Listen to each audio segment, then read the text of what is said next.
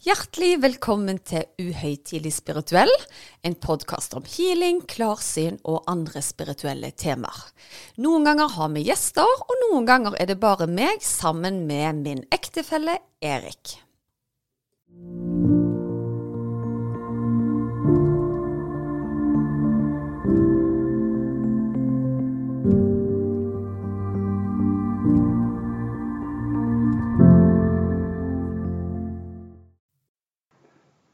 Velkommen til en ny episode av Uhøytidelig spirituell med Hila Susanne og Erik Ertsland Askvig. Eh, temaet for dagen er 'Kan vi snakke med de døde?' Og jeg må jo si, meg som akademiker, jeg syns jo dette er på grensen av hva jeg syns er, er, logisk. Men Susanne, kanskje du forteller litt om hvordan er det du jobber, og hvordan kommer dette med de døde inn i din eh?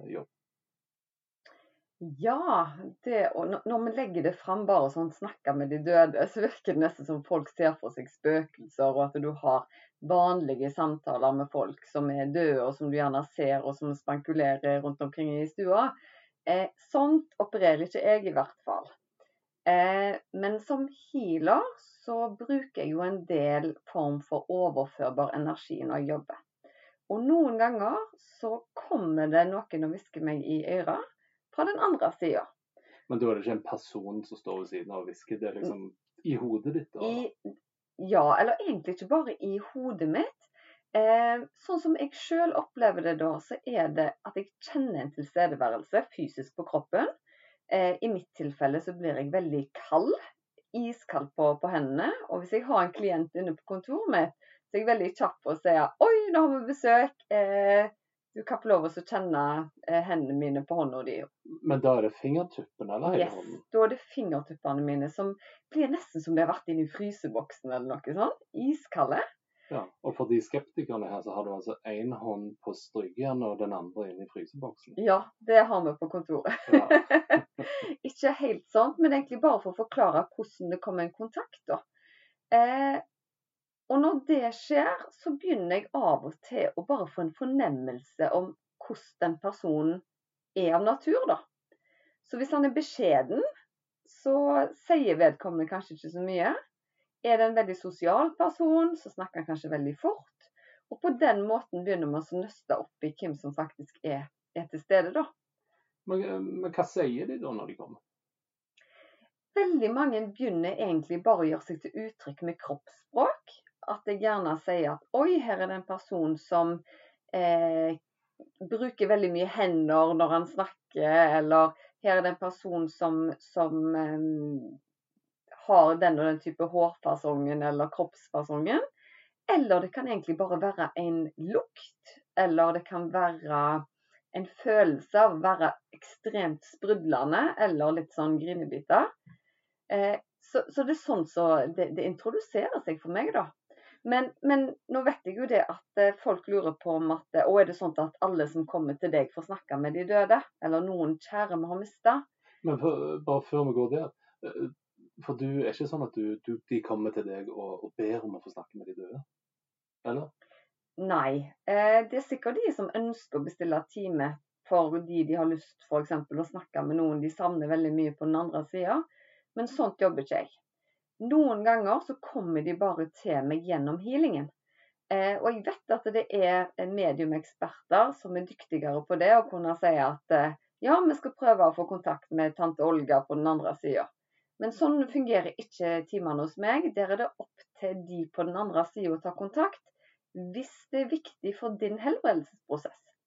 Så jeg opplever at det at de gjerne som har mye bekymring, uro, jobber med sorg, har gjerne et behov for at de fra den andre sida skal vise at de er til stede på en måte. da. Ja, og jeg tenker umiddelbart, altså som en person som har gått gjennom en del sorgprosesser, da, eh, så må jo jeg si at det hadde jo vært veldig fint når du er i en sorgprosess, å gjerne få en beskjed fra den som har gått bort. Eller få noen tegn eller et eller annet. At du gjerne får closure, da. Mm, og få en bekreftelse, ikke minst. Men det jeg sleit med i begynnelsen, var jo egentlig å skille er dette mine egne tanker? Er det en drøm? Skjer det faktisk? Så, så, det var jo en prosess det å lære seg å tolke disse signalene. Fordi når meg og deg sitter og prater, så er det jo egentlig bare å stille spørsmål, det er bare å få en feedback. Jeg eh, veileder deg inn på et tema, så får jeg den responsen jeg ønsker. Men det fungerer ikke helt på den måten. altså. Det er mer som å tolke et språk i form av bilder og smaksopplevelser og lukteopplevelser og den type ting. Så hvis du har på en måte litt mer begrensa måter å formidle informasjon på, da, så er det meg som er en mottaker, deg er senderen, og så skal jeg prøve å formidle det budskapet videre, da. Det høres litt ut som sånne amerikanske filmer. Vis meg en flekk, og så skal du tolke hva som ja, ja det, kan jo, det kan jo det. Men et godt eksempel da er tidlig i min karriere, før jeg starta som healer, så var jeg på eh, kontoret til pappen min. Og han hadde en flott medarbeider som eh, satt og holdt på med datamaskinen, og hvor jeg kommer inn og så tar en prat med henne. Og Da får jeg plutselig en fornemmelse av at det er noen i rommet der som verken jeg eller hun ser. Så sier jeg til henne er det, er det en unge mann rundt deg fra Island eller noe sånt som har dødd? Nei, hun kjente ingen islending. Jeg bare jo, men han sier noe med Island her. Og så må jeg begynne å tolke, og så sier jeg nei, han har islendergenser på seg. Og da visste hun med en gang hva det gjaldt. Så ble hun helt stiv av skrekk og bare eh, Ja, jeg, jeg, tror jeg vet hvem du mener. Eh, og, og, hvorfor er han her? Og da sier jeg bare som en beskjed som jeg formidler videre, da, for det er en følelse jeg får, at eh, det var ikke din skyld. Jeg vet du sliter med skyldfølelse, men han har kommet for å gi deg beskjed om at det må du slippe. Og det gikk i hvert fall inn på henne, for det viste seg at du hadde hatt en krangel med han. Og ved han ryke en viss plass etter den krangelen, og så hadde han tatt, tatt livet av seg. Eh, men hvordan den informasjonen kom til meg da, det vet jeg jo ikke. Og jeg tror ikke vi skal ha patent på å vite der heller, men jeg hadde ingen formening om hvorfor en islandsk genser skulle komme inn.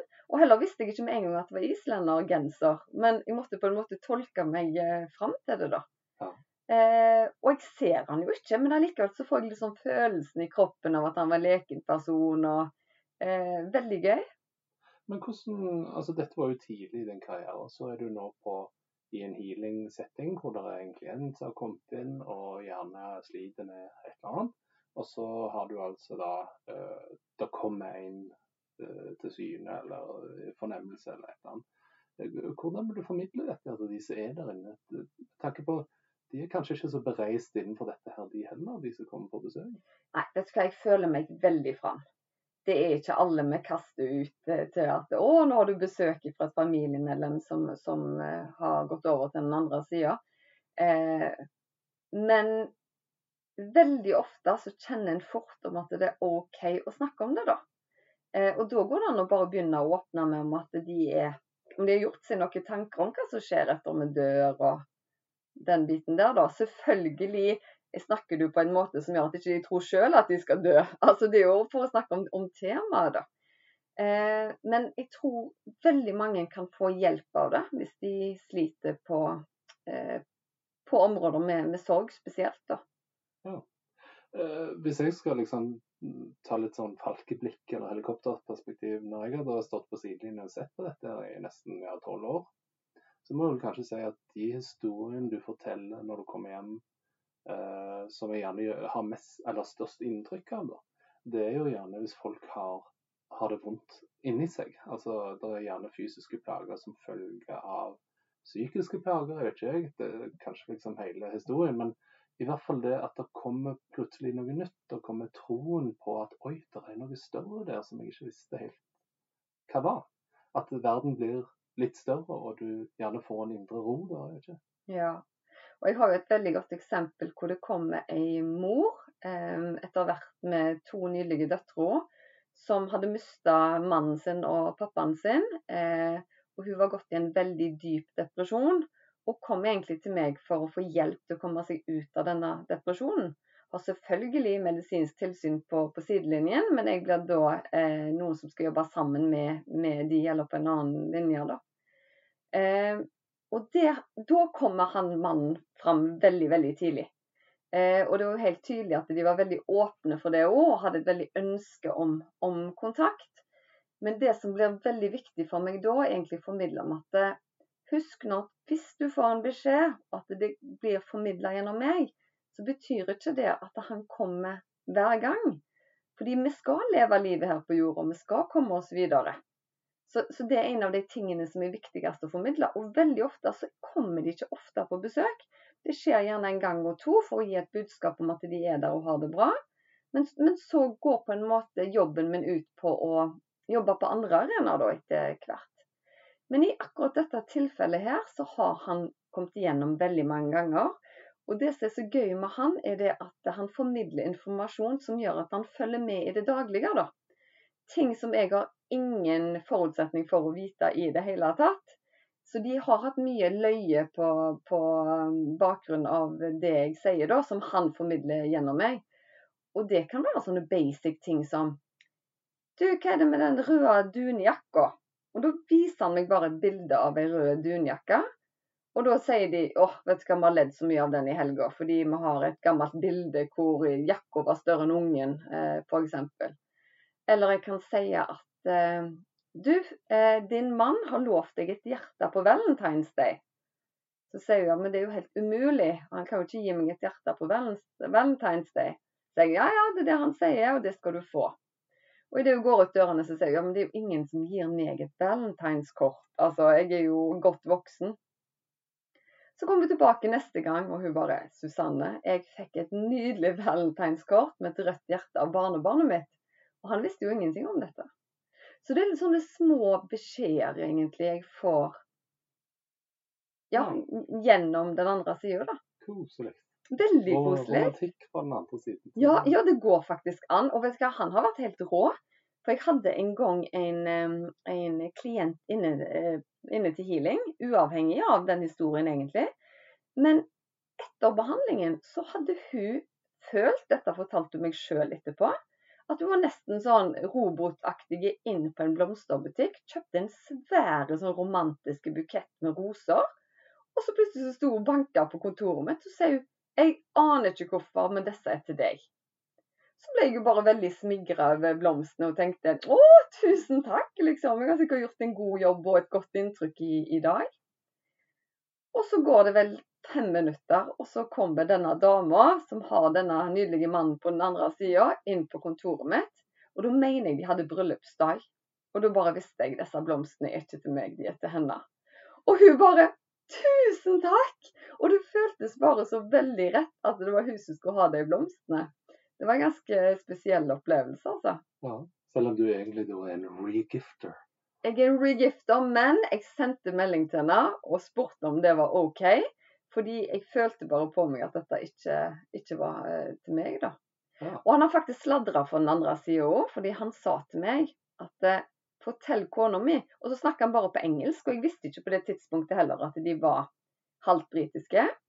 Eh, da sier han jeg hadde kjæreste når jeg traff henne. Uh, juicy. Juicy. Ja, og da sier hun ja, det er jeg fullt klar over. Så da fikk vi faktisk litt sånn inside information som gjerne ikke så mange andre visste heller. da. Ja, og det er jo der jeg syns at eh, altså Jeg pleier å si at det er en strek i sanden. Og nå hoppet du ganske bra over den streken liksom, i forhold til hva min logiske verden egentlig klarer å forklare. da. Ja, og av og til syns jeg det er veldig rart sjøl òg. Så tenker jeg hvorfor tør jeg egentlig å si det? Fordi han sa til meg du, gi henne beskjed om at jeg skal spøke for henne litt på halloween. Det er for teamet på halloween. Så sier jeg til henne eh, vet du hva, dette høres litt sånn spesielt ut, altså, men han sier at du må ha time på halloween, og så skal han spøke for deg. Og så lo vi bare veldig av det. Og så tikker det inn en melding til meg at på halloween så får hun en reminder på telefonen hvor det blinker og piper masse, hvor det står mannen sin bursdag. At det var en påminnelse om at han hadde bursdag. Og han har ikke bursdag før i april. Så sa det, det går ikke an at den reminderen skal komme opp på min eh, telefon. Og da kjente du bare frysningene med en gang at OK, det var halloween-spøken han skulle, skulle, komme med, da. Ja, stilig. Men utover det, er det noen uh, ganger noen har kommet igjennom og du, som har gjort et veldig liksom, inntrykk, så du sitter igjen med at åh, Ja, veldig mange ganger så har det det. Men, men jeg tror det jeg syns er Det verste er jo når noen mister f.eks. et barn, da. Eh, og da kan jeg ofte kjenne på en følelse av, et, av, at barnet har det bra. Men jeg vet jo at foreldrene har det jo helt forferdelig. Eh, og jeg syns det er veldig vanskelig å formidle en beskjed videre da òg, fordi på en måte så vil du jo at barnet ditt skal ha det bra på den andre sida. Og du vil at det skal bli ivaretatt, men på en annen måte så vil du at de bare skal savne deg òg. Eh, så, så, det er vel de situasjonene som gjør mest inntrykk. Fordi jeg forstår hvor vanskelig det er for begge parter, egentlig. For barnet vil jo ofte henge litt igjen for å passe på at mamma og pappa har det bra. Og så vil de så veldig gjerne at de skal gå videre. Samtidig som de forstår at det er veldig vanskelig. da. Mm. Og så syns jeg det er trist når jeg ikke får kontakt. For det skjer absolutt. At det er mange som kommer og ønsker at f.eks. det barna da skulle ta kontakt, og så kommer det ingenting? Absolutt. Eh, det skjer. Eh, og jeg kan veldig gjerne ofte kjenne en fysisk reaksjon på min kropp. At åh, nå er det der. Jeg kjenner bare kjærligheten spre seg i hele kroppen. Men den personen på benken eh, kjenner kanskje ingenting. Og da er det på en måte å forklare det at at det er en tid for alt, da. Eh, og kanskje ikke det er tida akkurat nå for at de skal kjenne på det. Kanskje de ikke er klar.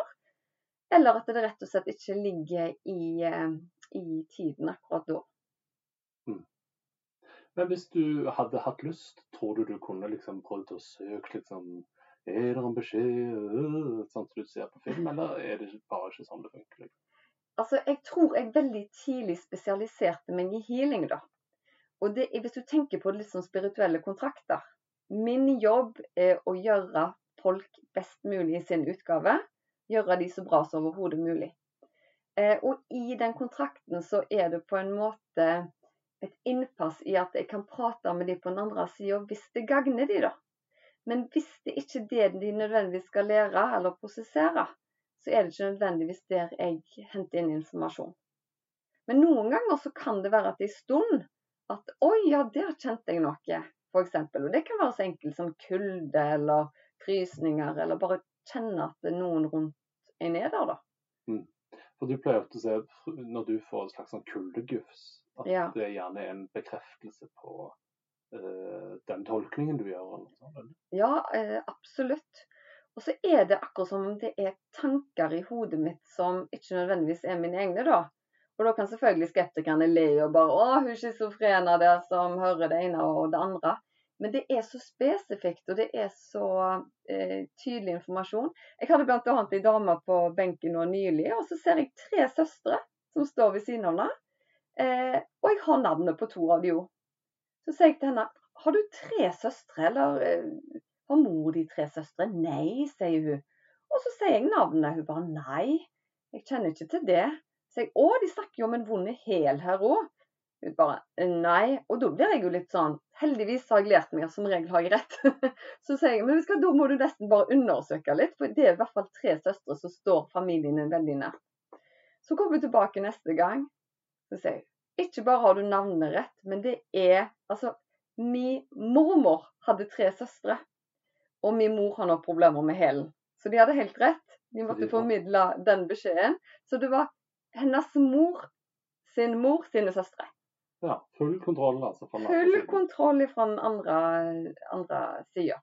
Og så er det jo viktig her å skille mellom på en måte å ha kontakt med de som har gått over til den andre sida. Fordi jeg mener jo at vi ikke dør, at vi da er ferdig begravd, ingenting. Jeg mener jo at det er sjelen som lever videre, at vi derfor har muligheten til å, å kommunisere. da. Men nå har vi jo snakket om liksom, det at det er hyggelig for folk at de får den kontakten. Tror du det er opplevelser som gjerne ikke er like hyggelige? Jeg har i hvert fall til gode å oppleve at noen syns at det er skummelt at noen kommer med en beskjed fra den andre sida. Jeg har opplevd en sjelden gang at noen syns det er skummelt fordi de gjerne kan kjenne flere hender på kroppen sin når de ligger på benken hos meg. Og hvis du ikke er forberedt, så kan noen synes det er skummelt. Men, men det, jeg opplever det som veldig sjeldent. Jeg kan telle på ei hånd om hvem som har syntes det har vært eh, ubehagelig, altså. Eh, men, men, jeg kan bare huske Aurora, eh, dattera vår, når hun var to-tre år gammel. Da satt jo hun med datamaskinen, og så sier hun bare helt ut i lufta I morgen drar morfar til himmelen. Husker du det? Ja. Så sier jeg til henne nei, morfar døde for flere år siden. Han, han døde når du var inne i magen min. Nei, sier hun, han skal til himmelen i morgen. Og så prøvde jeg å få inn mer informasjon. Ingenting. Hun var mer opptatt av spillet i dataen. Dagen etterpå så har vi et vennepar på middag. Og så forteller jeg sånn muntert til de at å, det var så rart, Aurora har jo aldri truffet morfaren sin. Men så sier hun da at han drar til himmelen i morgen. Og i det jeg sier det, så bare kjenner jeg en sånn svosj gjennom hele kroppen min. Og så sier jeg høyt Å herlighet, det er pappas bursdag i dag. Og så går lampa bananas med både lys og struktur. Det kan du fortelle litt om, hva som skjedde? Ja, jeg husker altså, lampen hang jo fra taket da, og så begynte jeg å snurre rundt sin egen akse. Uh, og han svingte fort og, og ganske lenge. Eh, men det som jeg syns var veldig rart, han stoppet jo like fort som han begynte å snurre. Og så har vi prøvd å, å gjenskape denne bevegelsen da i etterkant. Men da begynner han jo å vugge, fordi at jeg prøver liksom å svinge, da. Men når han, når han svingte, når, når, vi så det første gangen, så var det jo helt snorbeint nedover. Så det var jo ingen som hadde gitt han fart, da. I hvert fall ikke som jeg så. Nei, og vi var fire stykker der, og to begynte å be aftenbønn med en gang. Ja. så de, Jeg tror de syntes det var litt skummelt hele greia. Men da slo det meg litt sånn at OK, nå var pappa klar for å ta et steg videre ut i hva skal vi si, ut i universet, da. Kanskje han har vært litt tett på oss og fulgt med. For han døde jo når jeg var eh, syv måneder, eller åtte måneder gravid, faktisk. Ja. Så, så, det var en, eh, en, veldig spesiell opplevelse. Men for å prøve å jorde dette her litt. Altså, eh, når jeg gjerne er på jobb, så kan du jo gjerne si at du må lytte mer til magefølelsen. Uh, når du tar en beslutning, f.eks. Du kan sitte i en intervjusituasjon så sier du ja, tar du beslutninger basert på fakta, eller tar du beslutninger basert på magefølelse. Så tenker jeg ofte at jeg har vært i situasjoner i jobben sjøl òg hvor jeg tenker det første tanken jeg får, er si det, si det, og si noe annet. Og så var jo det selvfølgelig det jeg sa var helt feil, og så er det en annen som stjeler liksom det gode poenget som kom fra den andre siden. ja. Men, men, er det den samme, altså magefølelsen det samme som en beskjed fra den andre siden? Jeg tror jo at de kommuniserer altså fra den andre sida altså via underbevisstheten vår. da. Og En skeptiker vil alltid se ja, det er underbevisstheten din som eh, henter fram informasjon eller den type ting. Da tenker jeg samme det, han kommer i hvert fall fra et sted. Og hvis jeg på en måte både kan få fram hjerter og blå dunjakker og beskjeder til, til mine klienter, da, så spiller det egentlig ikke så mye rolle hvor det kommer fra. For det er helt tydelig at det er en kontakt, i hvert fall.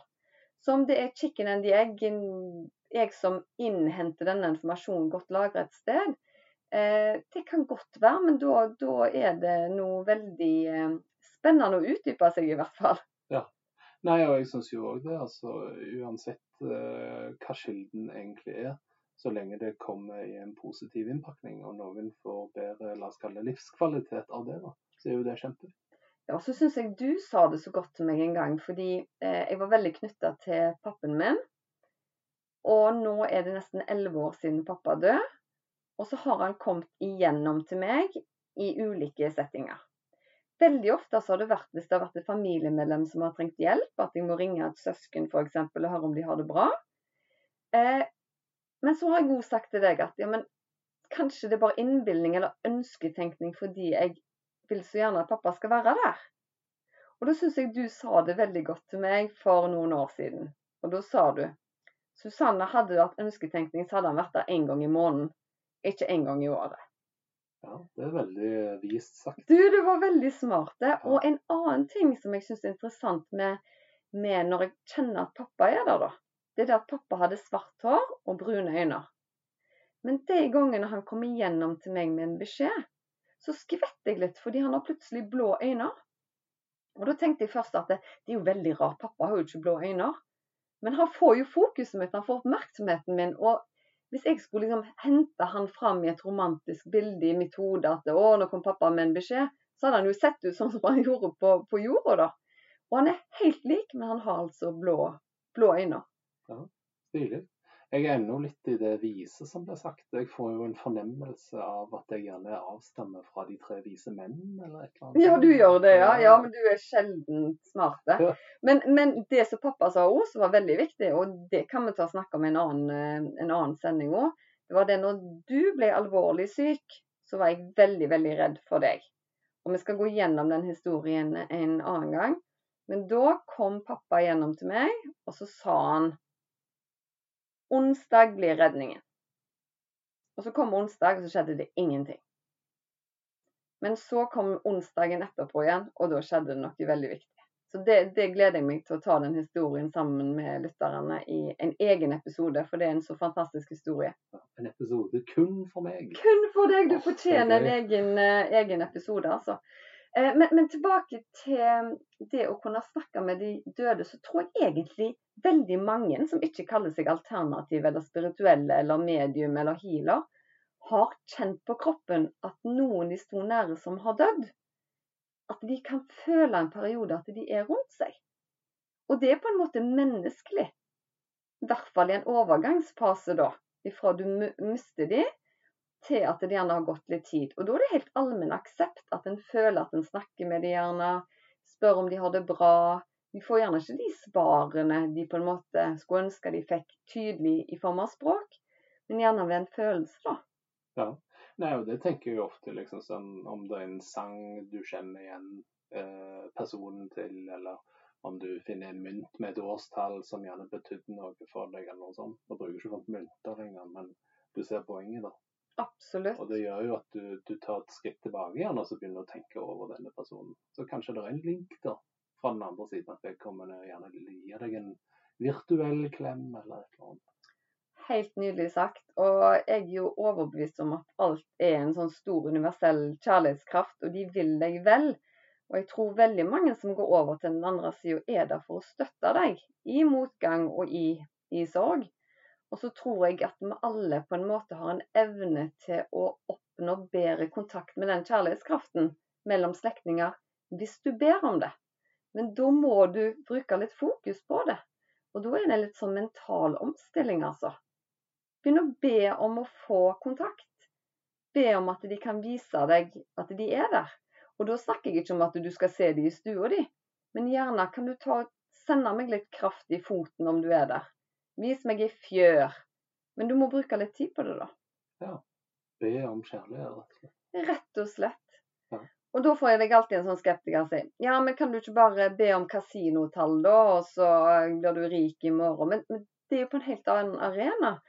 Fordi da handler det om egoisme. Her er det å be om kraft for å få det bedre som menneske, og at andre skal få det bedre. Det er noe helt annet å be om. Godt poeng. Jeg syns vi kan runde av med det kloke ordet fra den andre vise mannen her. ja. OK, da takker vi han for i dag. Jeg håper du sitter igjen med en god følelse etter å ha lytta på, og gjerne lukke øynene og lytte til det hinsides etterpå. Kanskje en god øvelse å gjøre. Eh, takk for nå, og takk for at du hørte på.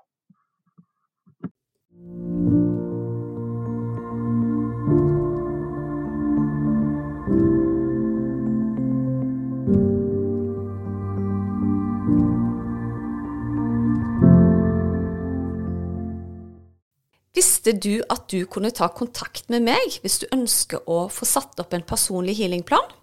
Da er det bare å kontakte meg via Instagram eller på e-post, så gjør jeg det helt kostnadsfritt. Da er det mye lettere å vite hvilken healing du skal velge, til hva tid du skal bruke den, og hvor mange uker du bør benytte deg av deg. Gå inn på healersusanne.com.